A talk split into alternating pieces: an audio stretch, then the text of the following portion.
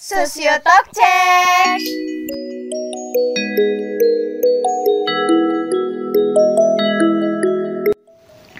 Assalamualaikum warahmatullahi wabarakatuh. Welcome back di podcast Sosiotalk Nah, kenalan dulu aja deh nih. Nama aku Iningsi dari Prodi Sosiologi Angkatan 2018 Di episode ketiga kali ini kita bakal bahas tentang... Nungguin gak? Nungguin ya? Oke langsung aja kita bakal bahas tentang kampus inklusi Nah, for information nih guys, UIN Sunan Kalijaga Yogyakarta itu udah inklusi loh dan merupakan salah satu kampus yang mempelopori kampus-kampus inklusi di Indonesia. Dan itu keren banget gak sih? Tepuk tangan dong, keren dong ini tuh. Dan kita bakal bahas tema ini bersama narasumber kita yang keren banget dan udah deh pokoknya kalian wajib dengerin podcast ini. Beliau adalah salah satu dosen di Prodi Sosiologi UIN Sunan Kalijaga dan juga relawan di Pusat Layanan Difabel PLD UIN Sunan Kalijaga. Beliau adalah Bu Astri Hanjarwati. Assalamualaikum Bu Astri. Gimana nih kabarnya Ibu sekarang? Waalaikumsalam ini Alhamdulillah kabar Bu Astri sehat dan tetap semangat menyambut era new normal. Gimana kabar Winnie dan teman-teman HMPS?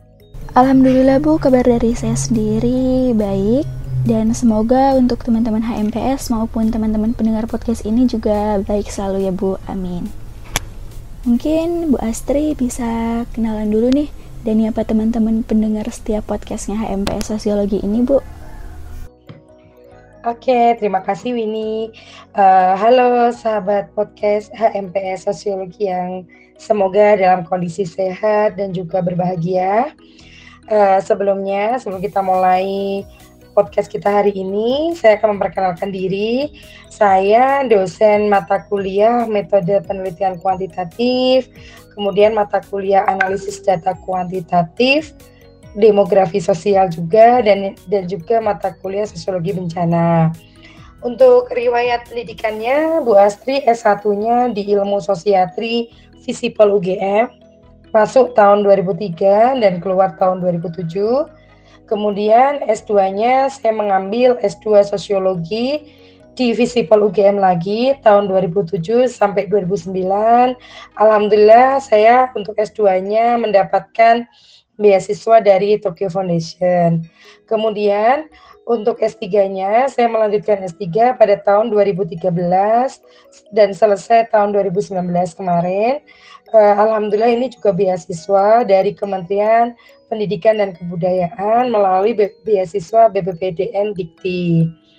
Nah, untuk ngajar di UIN mulai kapan? Nah, saya mulai ngajar di UIN tahun 2011 Waktu itu saya belum mengajar di prodi sosiologi, tetapi saya mengajar di jurusan ilmu kesejahteraan sosial, Fakultas Dakwah dan Komunikasi pada mata kuliah sama kuantitatif. Kemudian baru tahun 2014 saya mengajar di prodi sosiologi, Fakultas Ilmu Sosial dan Humaniora. Nah, sedikit cerita kapan saya mulai gabung menjadi relawan ahli di Pusat Layanan Difabel UIN Sunan Kalijaga.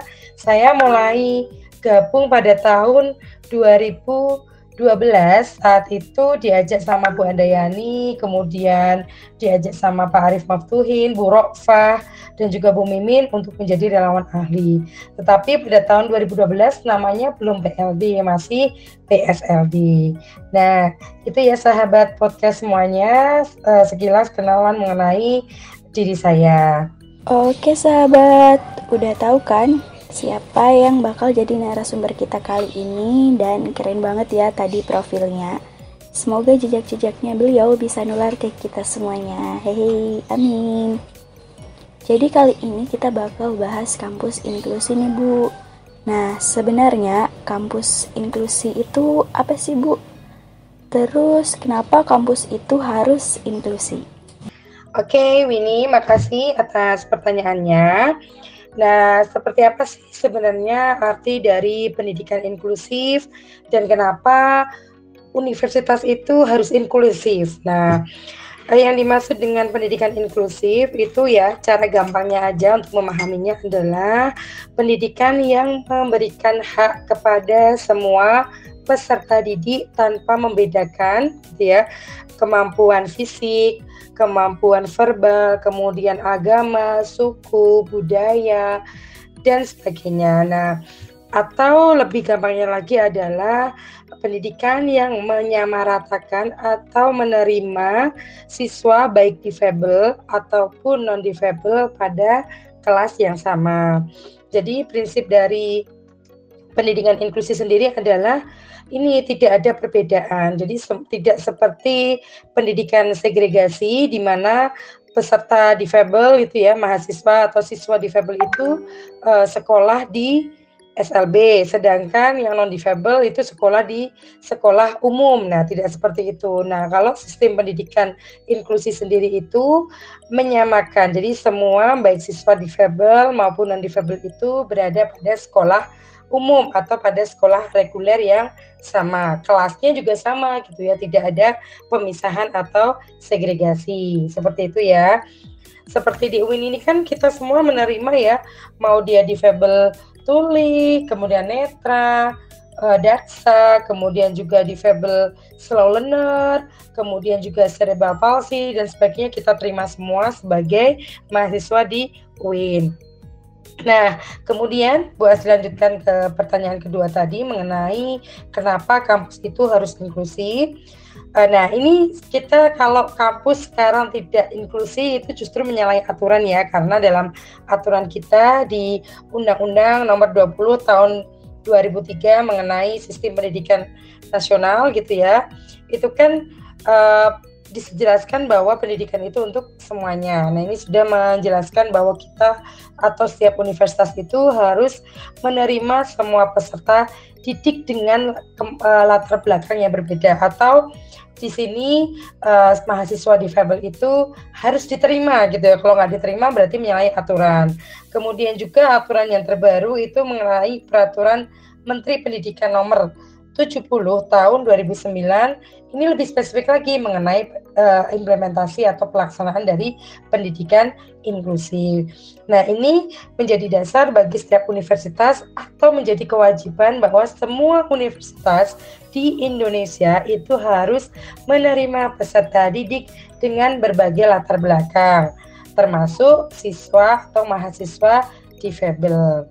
Seperti itu ya. Jadi uh, pendidikan inklusif itu sebenarnya tidak hanya dilaksanakan pada level universitas saja, tetapi sejak pendidikan dasar, menengah, kemudian uh, tingkat tinggi itu semuanya uh, me melaksanakan pendidikan inklusi. Seperti itu ya, Winnie dan juga sahabat podcast HMPS Sosiologi.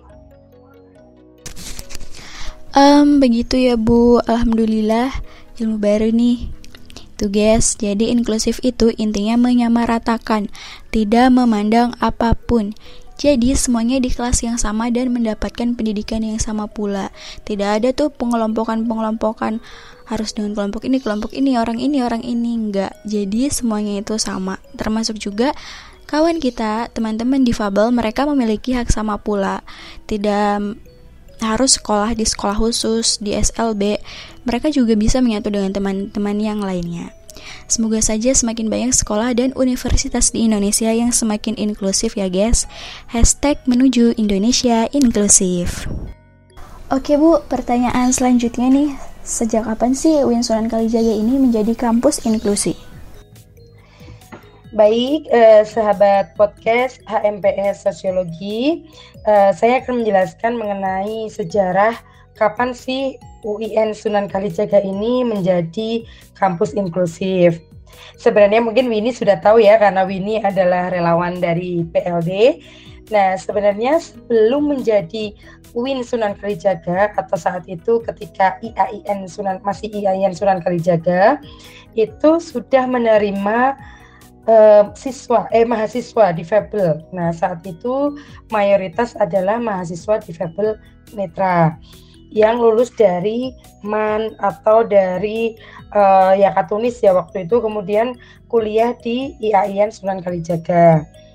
Nah, pada tahun 2005 itu pendiri-pendiri PLD ya. Waktu itu ada Ibu Rofah, Pak Muhrisun, kemudian Bu Liana, dan juga ada Bu Andayani yang saat itu kuliah di McGill University karena di sana itu kan kalau kita melihat ya memang di Amerika dan di Eropa itu kan memang sudah bagus ya layanan untuk mahasiswa difabelnya. Nah, pada saat itu ketika melihat layanan apa namanya layanan pendidikan buat mahasiswa difabel, maka terfikirlah ide untuk membuat pusat layanan dan eh, pusat studi dan layanan difabel di UIN Sunan Kalijaga. Kemudian beliau-beliau ini ya tadi Ibu Rofa, Ibu Andayani, kemudian Pak Murisun dan juga uh, apa namanya Buliana itu membuat proposal yang diajukan kepada Pak Rektor. Waktu itu rektornya Profesor Dr. Amin Abdullah. Nah, proposal itu uh, proposal itu akhirnya disetujui dan ketika disetujui maka di uh, waktu itu diresmikan pada tanggal 2 Mei 2007 itu resmi berdiri Pusat Studi dan Layanan difabel. Nah, itu yang karena uh, Bapak Ibu pendirinya masih berada di McGill atau di Kanada, maka di dilaksanakan atau ya secara teknis dibantu oleh Bapak Arif Maftuhin, Ibu Ruspitarani, kemudian juga ada Pak Asep Jahidin dan juga ada relawan yaitu Ibu Siti Aminah. Nah, sejak itulah maka uh, secara struktural itu kita ada pusat layanan difabel, tetapi untuk implementasi dari uh, konsep inklusif sebenarnya sejak lama UIN itu ada uh, apa nama mahasiswa difabel menerima semua mahasiswa baik difabel maupun non difabel. Nah, tetapi waktu itu kan belum secara terstruktur, terkonsep bagaimana sih layanan bagi mahasiswa difabel. Makanya setelah tahun uh, tahun 2007 resmi berdiri PSLD Pusat Studi dan Layanan Difabel sejak saat itu hingga saat ini pelayanan terhadap mahasiswa difabel itu lebih terstruktur seperti itu. Jadi ya bisa dibilang sudah lama ya sejak IAIN dan tetapi resminya sejak sejak tahun 2007 itu berdirinya PLD. Seperti itu ya sahabat podcast. Jadi sudah sejak tahun 2007 ya Bu UIN Sunan Kalijaga ini mengenalkan diri sebagai kampus inklusif ditandai dengan dibentuknya PSLD yang sekarang namanya berubah menjadi PLD Pusat Layanan Difabel. Tapi sebelumnya juga sudah menerima mahasiswa difabel. Itu keren banget sih. Belum dibentuk lembaga yang membantu mahasiswa difabel, tapi sudah menerima mahasiswa difabel. Oke Bu, pertanyaan selanjutnya, menurut Bu Astri sendiri, sudah sejauh mana sih peran inklusif yang dihadirkan di kampus UIN Sunan Kalijaga ini? Apakah sudah aksesibel untuk semua mahasiswa yang beragam ini? Oke, kalau ditanya ya, eh, apakah kampus UIN Sunan Kalijaga ini sudah aksesibel bagi uh, jenis disabilitas yang beragam atau mahasiswa yang beragam gitu ya. Nah, uh, sebenarnya saya ingin cerita dulu bahwa uh, kita kami di UIN Sunan Kalijaga itu mendapatkan porsi 15 15 uh, mahasiswa difabel untuk setiap tahunnya. Tetapi untuk tahun 2019 kemarin kami menerima lebih dari 15 karena cuma ada 18 mahasiswa difabel yang ini ya yang daftar itu ya. Kemudian uh, Pak Rektor itu ya Prof Yudian memutuskan ketika ada yudisium itu untuk diterima semuanya seperti itu.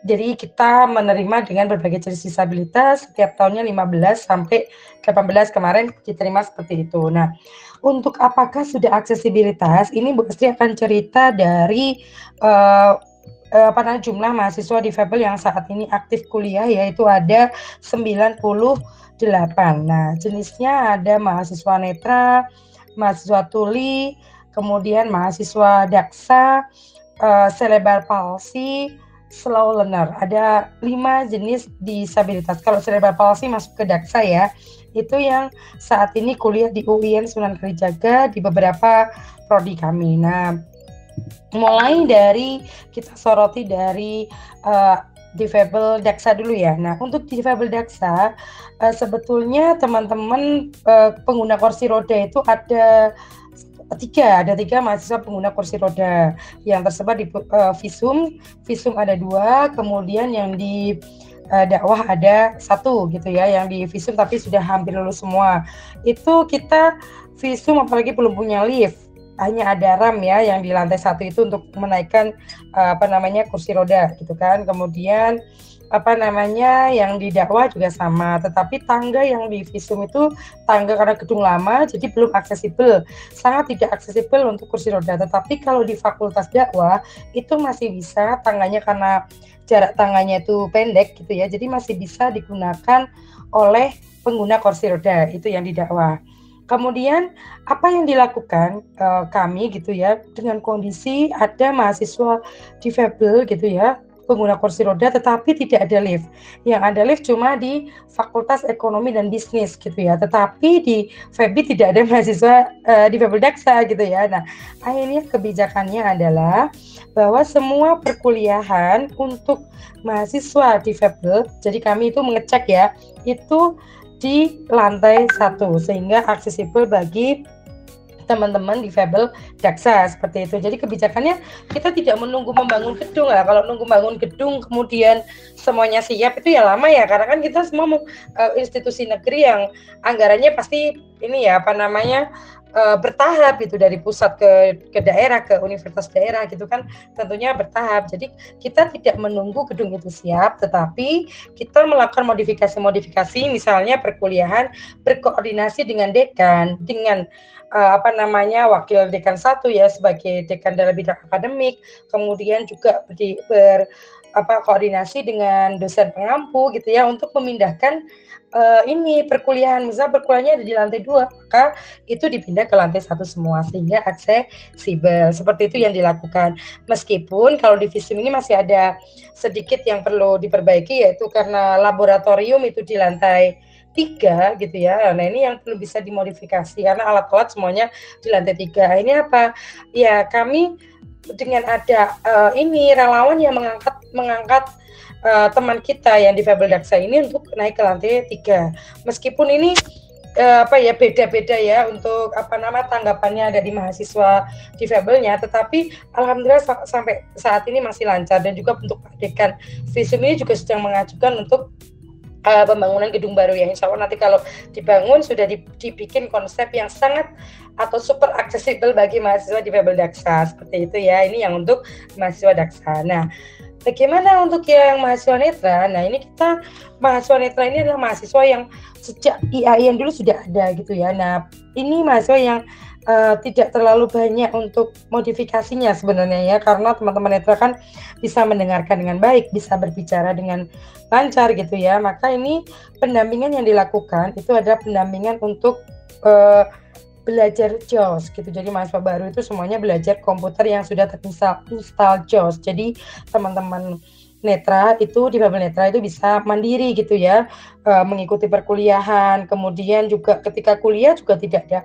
banyak hambatan gitu ya jadi uh, datang ke kelas mendengarkan dosen ketika ada tugas juga tinggal uh, ngetik sendiri gitu ya dengan komputer dan semua komputer yang ada di PLD atau di, di, Corner juga itu sudah terinstal dengan JAWS gitu ya ini nah kemudian apa namanya uh, untuk uh, pendampingan bagi teman-teman di Fable Netra ini adalah pendampingan kalau misal ada referensi dari buku gitu ya, buku yang belum diebukan. Nah ini biasanya ada sahabat inklusi atau teman-teman relawan mahasiswa ya yang menjadi relawan PLT ini yang membacakan buku buat teman-teman netra. Sama biasanya kalau mengetik dengan jos itu kan tidak ada ini ya kerapi ya kurang rapi gitu ya. Nah maka yang merap, membantu merapikan itu adalah relawan PLD. Nah, pendampingan yang kita berikan itu merapikan apa namanya tugas-tugas mereka gitu ya, kemudian membacakan buku buku yang belum ada e-book ya. Karena kalau kita semua yang di PLD ini juga ada program untuk uh, membuat seribu e-book gitu ya. Jadi buku-buku yang perkuliahan yang belum ada e-book maka kita bantu scan gitu ya di PLD. Kemudian yang ketiga, pendampingan saat ujian. Nah, ini penting sekali dilakukan karena pada saat ujian teman-teman bisa menggunakan hard copy ya. Nah, itu yang perlu dibacakan dan juga dibantu untuk menulis seperti itu. Itu yang yang dilakukan teman-teman netra. Nah, ini teman-teman tuli ini ada uh, mahasiswa yang kita semua masih belajar gitu ya. Tuli itu baru diterima uh, atau UIN gitu ya, gampangnya UIN menerima difabel tuli itu baru mulai tahun 2011. Nah, di situ kita mulai belajar lagi. Waduh, gimana ya ini untuk teman-teman tuli yang tidak bisa mendengar dan hanya me, tidak bisa mendengar dan tidak bisa berkomunikasi dengan dosen dan dengan teman-teman yang lain ini bagaimana?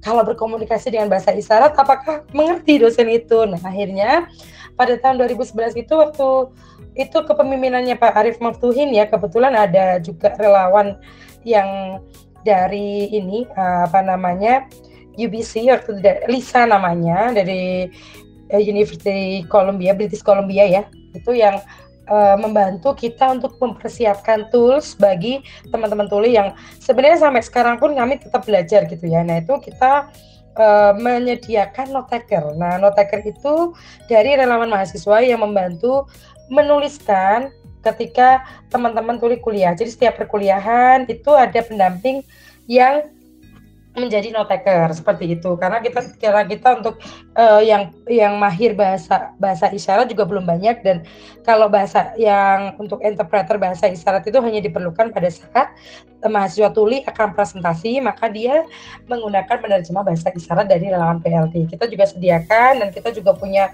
rumah bahasa isyarat dan juga pelatihan-pelatihan bahasa isyarat yang untuk relawan. Jadi nanti kita kalau teman-teman dari apa namanya uh, tuli teman-teman tuli mau presentasi kita sudah ada jumlahnya jadi dosen uh, mengerti gitu ya. Dan juga kita membantu komunikasi antara tuli dengan dosen seperti itu. Itu jadi tapi itu masih kita semua masih belajar terus ya gitu ya. Dan kemudian supportnya itu selain pendampingan untuk mahasiswa kita juga ada support pendampingan dan kita juga menggali pengalaman dari uh, Bapak Ibu dosen gitu ya, Bapak Ibu dosen dan juga teknik-teknik di setiap fakultas. Kami ada yang namanya FGD kelas inklusi yang kita selenggarakan setiap semester. Jadi setiap semester genap ada empat fakultas, semester gansal ada empat fakultas secara bergantian untuk me untuk kita menggali dan berdiskusi bagaimana mengatasi hambatan-hambatan belajar gitu ya, hambatan-hambatan belajar yang memang uh, apa namanya dilakukan gitu ya hambatan-hambatan belajar yang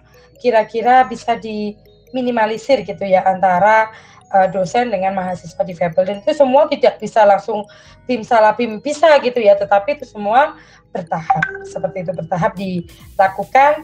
Dan kalau uh, pengalaman saya kepada senior-senior kayak Bu Rofa, Pak Arif Maftuhin, Bu Liana, kemudian Pak Murisun, kemudian ada juga Bu apa namanya Bu Andayani uh, itu mengajarkan pada kami ada Bu Jamil juga kemudian Tamimin semuanya kita belajar gitu ya belajar untuk uh, memang menuju inklusi itu bukan langsung semuanya siap, tetapi apa infrastruktur yang sudah siap, apa yang bisa kita modifikasi, maka itu kita lakukan. Jadi seperti itu ya, uh, apa semoga ini bisa menjadi inspirasi buat universitas lain bahwa segala sesuatunya itu butuh proses seperti itu.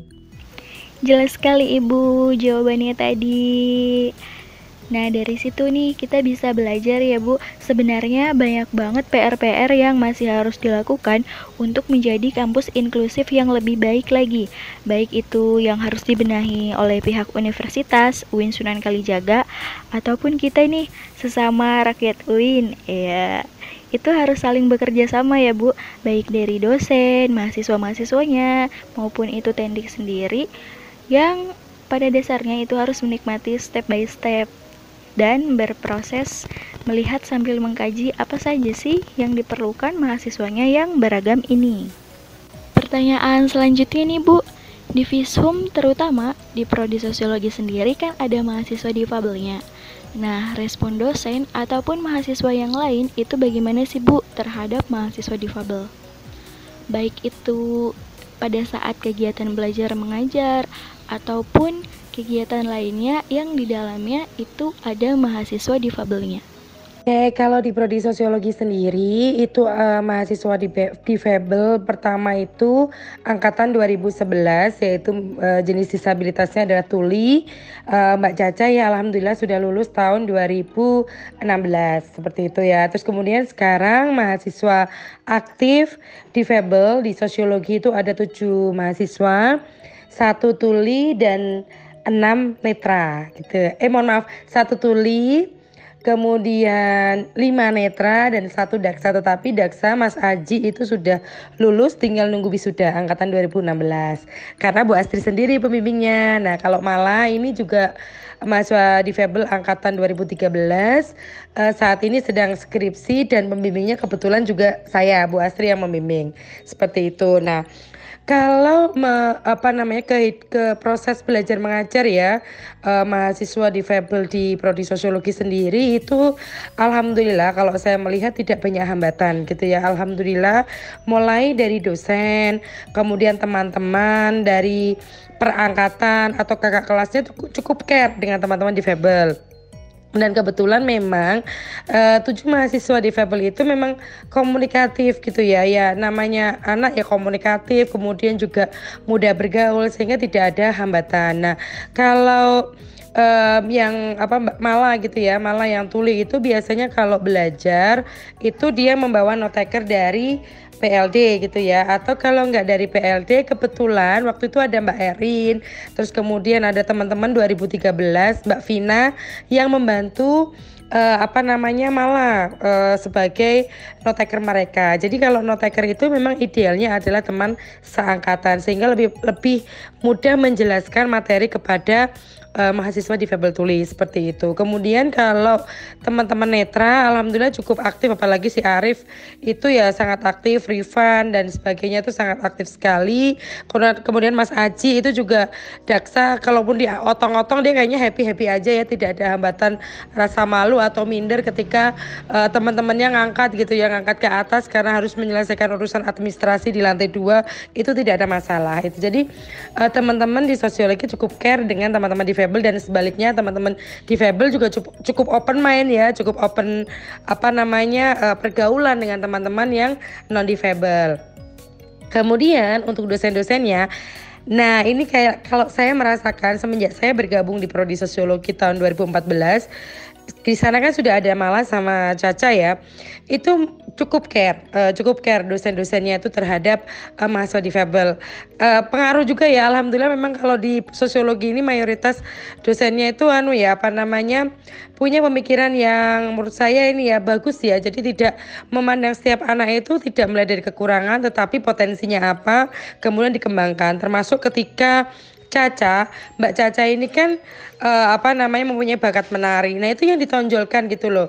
Sampai waktu mau skripsi itu kan kira-kira apa yang paling uh, temanya apa yang paling dekat dan itu menjadi hobinya Caca. Karena memang kalau tuli itu ada hambatan dalam mengerti mengenai apa namanya memahami kalimat, kemudian membaca buku itu mengalami kesulitan. Nah, di situlah dosen dari biro skripsi Bu Napsia, Pak Kaprodi, uh, apa namanya Bapak Kiai uh, Pak Bapak Zainal gitu kemudian menyarankan untuk dibantu oleh adik kelas atau asisten prodi yang memang bisa membantu Mbak Caca dalam komunikasi ketika wawancara di lapangan, ketika menulis skripsi dan sebagainya. Jadi uh, dari proses belajar itu saya melihat bahwa memang dosen-dosen di sosiologi juga sangat care dengan mahasiswa di Febel. Teman-temannya juga ya. Jadi selama ini Bu Astri kan biasanya mendapatkan laporan di khusus di fakultas gitu ya, siapa yang mengalami hambatan pembelajaran.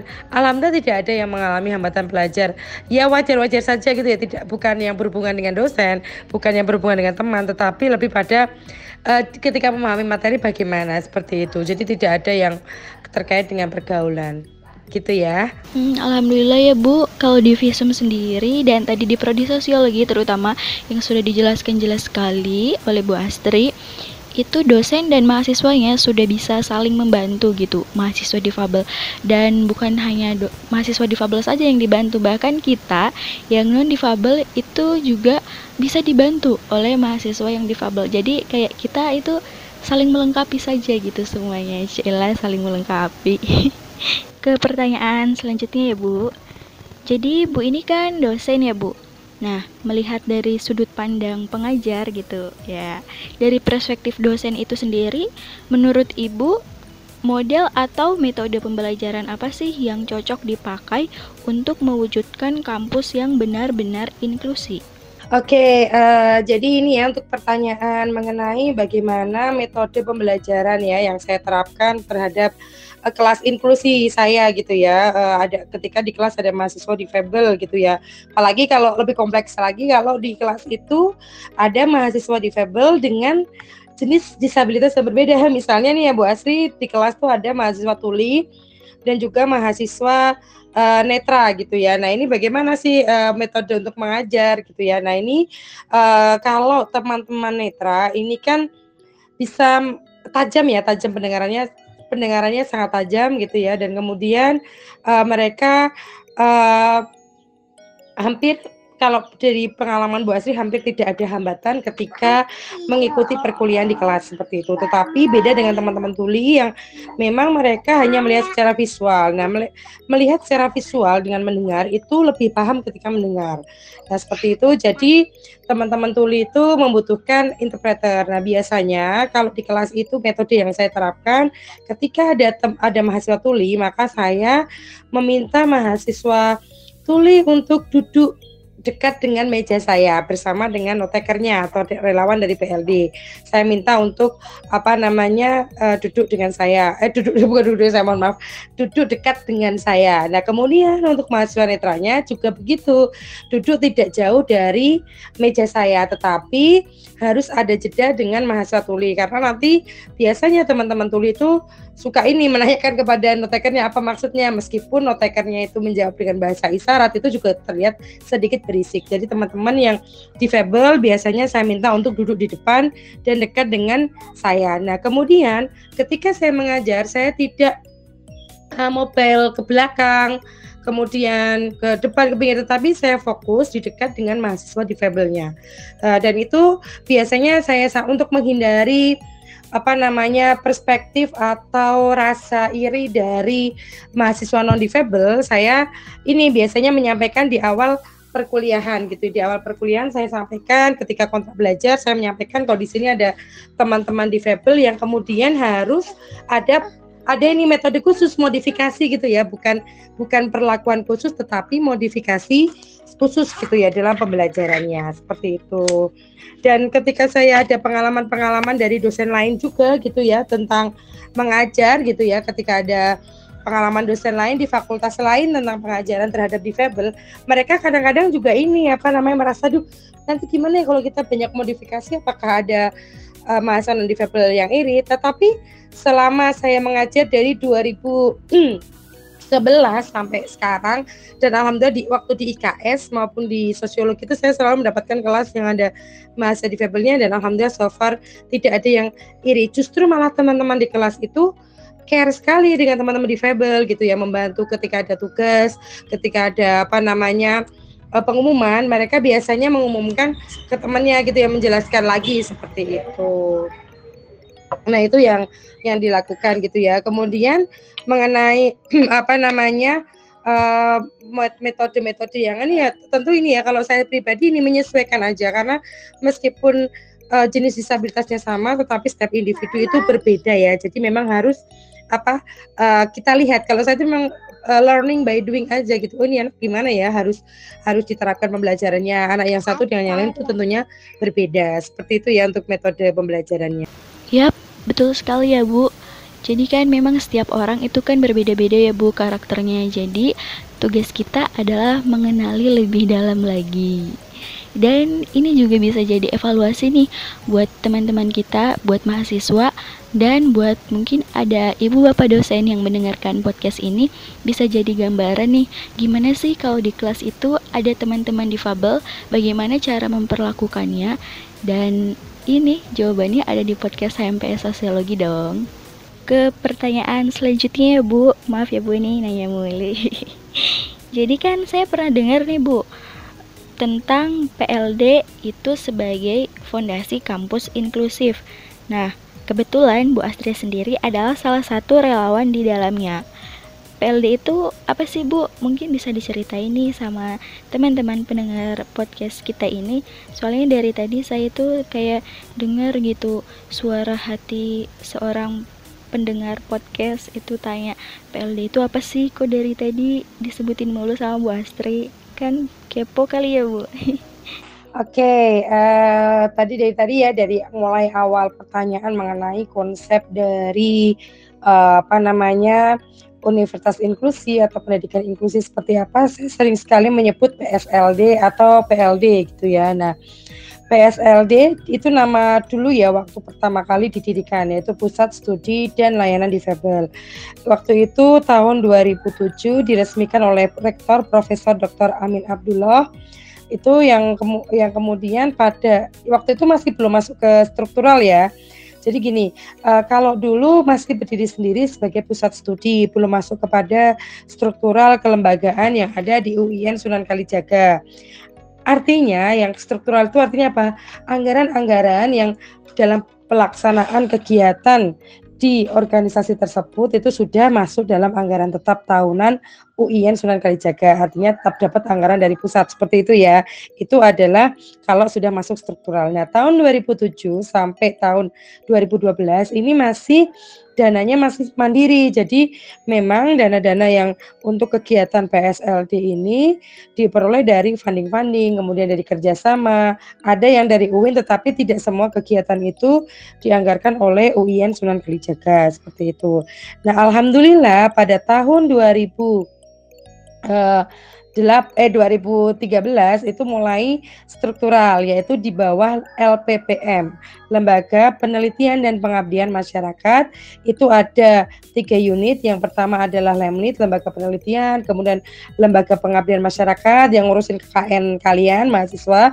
Dan yang ketiga adalah Pusat Layanan Difabel. Nah, Pusat Layanan Difabel ini merupakan uh, apa namanya organisasi struktural gitu ya di bawah LPPM yang khusus ditujukan oleh UIN sendiri kebijakannya itu untuk membantu melayani uh, mahasiswa difabel yang kuliah di UIN Sunan Kalijaga. Jadi mulai dari pendaftaran mahasiswa baru gitu yang tapi tetap kalau pendaftaran kerjasama dengan admisi gitu ya tetapi pendaftaran mahasiswa difabel itu membutuhkan pendampingan gitu ya. Pendampingan-pendampingan itu dilakukan mulai dari pendampingan pemilihan jurusan pendampingan dari pengisian form gitu ya untuk mahasiswa netra yang mungkin kebetulan belum bisa JAWS kayak gitu. Kemudian uh, mahasiswa tuli pendampingan untuk menanyakan seperti apa sih uh, kepada apa mendampingi gitu ya dengan jubahnya dengan juru bahasa isyarat kami mulai itu menanyakan kepada uh, apa namanya tim-tim admisi seperti itu. Jadi memang pendampingan kepada mahasiswa difabel tujuannya melayani itu dari mulai awal pendaftaran hingga nanti lulus. Bahkan kami juga ada program magang untuk alumni fresh graduate. Biar apa? Biar alumni difabel itu siap bekerja. Nah tadi mulai dari tadi Bu sudah menjelaskan ya bahwa, bahwa itu untuk pendampingan dari mulai masuk sampai pada lulus gitu ya. Nah pendampingannya kayaknya Bu Asri juga per, uh, sudah menyinggung di beberapa pertanyaan sebelumnya. Itu mulai pendampingan perkuliahan, pendampingan ujian, kemudian kami juga mensupport uh, untuk uh, dosen juga gitu ya. Jadi kita di sini kan masih belajar semua ya, mulai dari dosen, mahasiswa. Jadi banyak juga Bapak Ibu dosen yang kemudian ketika menemui kendala dalam mengajar di Fabel itu me menyampaikan kepada kami PLT, kemudian kami diskusi untuk mencari solusi seperti itu. Kemudian pendampingan KKN, kita kan juga ada KKN inklusi ya, jadi khusus KKN yang memang aksesibel terhadap mahasiswa berdasarkan jenis disabilitasnya seperti itu. Kemudian juga untuk pendampingan skripsi. Nah, kita juga ada nih pendampingan skripsi yang yang dilakukan oleh teman-teman relawan. Kemudian saya sendiri sebagai PC untuk uh, skripsi mahasiswa. Jadi kami cek kira-kira mahasiswa difabel yang skripsinya lancar siapa, yang tidak lancar siapa, kesulitannya seperti apa ya kita kita cek semuanya seperti itu. Kemudian ketika sudah lulus gitu ya, ketika sudah lulus uh, apa namanya uh, mahasiswa alhamdulillah kita juga ada kerjasama dengan beberapa perusahaan atau instansi untuk menempatkan mahasiswa difabel magang di perusahaan atau lembaga tersebut. LSM itu juga iya. Jadi jadi untuk latihan bagaimana sih mahasiswa difabel itu siap bekerja pada uh, di dunia kerja gitu? Bagaimana mereka mempersiapkan skillnya seperti apa? Jadi begitu ya Nah, buat teman-teman yang dari tadi tanya terus tuh dalam hatinya, gimana udah kejawab belum? PLD itu apa sih? Jadi PLD itu adalah Pusat Layanan Difabel, sebuah lembaga yang berada di bawah naungan LPPM UIN Sunan Kalijaga. Yang tujuannya dibentuk untuk membantu proses pelayanan akademik mahasiswa difabel. Jadi kayak tadi ada pendampingan kuliah, terus juga mulai dari mau masuk kuliah tadi ada bimbingan ambil jurusan apa sih yang cocok dengan mahasiswa tersebut sesuai potensinya, terus juga sampai skripsi dan wisuda juga ada pendampingannya. Eits, tapi kalau kita nemuin nih ketemu sama mahasiswa difabel yang perlu bantuan baik itu di kelas ataupun di luar, itu kita nggak harus banget nunggu PLD datang ke situ. Kita bantu aja gitu. Kalau kita bisa, kita bantu nggak harus nunggu PLD datang. Kan katanya udah inklusi. Masa inklusi cuma ngandelin PLD aja dong? Kan harusnya semua masyarakat UIN ya. Semuanya juga harus inklusi dong ya. Iya dong. Dan terakhir nih Bu, sebagai penutup, mungkin Bu Astri bisa memberikan closing statement nih buat teman-teman pendengar podcastnya HMP Sosiologi ini. Baiklah, sobat podcast HMP Sosiologi yang berbahagia dan semoga dalam kondisi sehat. Uh, demikian ya beberapa hal yang sudah saya jelaskan mengenai konsep pendidikan inklusi, kemudian bagaimana implementasi pendidikan inklusif di UIN Sunan Kalijaga dan bagaimana peran pusat layanan difabel UIN Sunan Kalijaga serta bagaimana support dari teman-teman dan juga dosen uh, apa namanya dosen dosen gitu ya bagi mahasiswa difabel di UIN Sunan Kalijaga. Uh, saya mengucapkan terima kasih atas kesempatannya. Semoga ini menjadi spirit bagi semangat baru bagi teman-teman terutama HMPS Sosiologi untuk semakin bisa menjadi bagian dari uh, apa nama universitas untuk mewujudkan universitas yang semakin inklusi. Kita semua di sini belajar, belajar berproses karena memang yang namanya uh, apa namanya mewujudkan kampus inklusi itu tidak seperti yang saya katakan di awal tidak simsalabim tetapi semuanya butuh proses, butuh pembelajaran dan butuh semangat untuk mewujudkannya. Semoga ini bermanfaat dan mohon maaf apabila ketika saya menyampaikan banyak hal yang kurang berkenan, saya mohon maaf dan apabila ingin berdiskusi dengan Bu Astri lebih lanjut atau melakukan riset-riset terkait dengan isu disabilitas, itu bisa menghubungi saya seperti itu ya. Semangat dan terus berprestasi. Wassalamualaikum warahmatullahi wabarakatuh. Waalaikumsalam warahmatullahi wabarakatuh Ibu. Masya Allah tadi jawabannya bikin adem banget ya hati kita guys. Menginspirasi sekali dari jawaban-jawaban beliau tadi. Semoga saja kita bisa menjadi pribadi yang lebih baik lagi ya guys. Amin. Oke guys sebagai penutup aku punya sesuatu dikit banget buat kalian nih. Jadi Allah menciptakan hambanya beragam bukan? Untuk saling melengkapi, bukan untuk menjauhi. Untuk mewujudkan keadilan dan kesetaraan, tidak harus ada syarat dan ketentuan yang berlaku. Semuanya sama saja. Nikmati prosesnya menuju inklusi dan semangat selalu. Tetap jaga kesehatan ya semuanya. Wassalamualaikum warahmatullahi wabarakatuh. Terima kasih banget nih buat yang udah bergabung di podcast kali ini. Dan sampai jumpa di podcast selanjutnya. Dadah.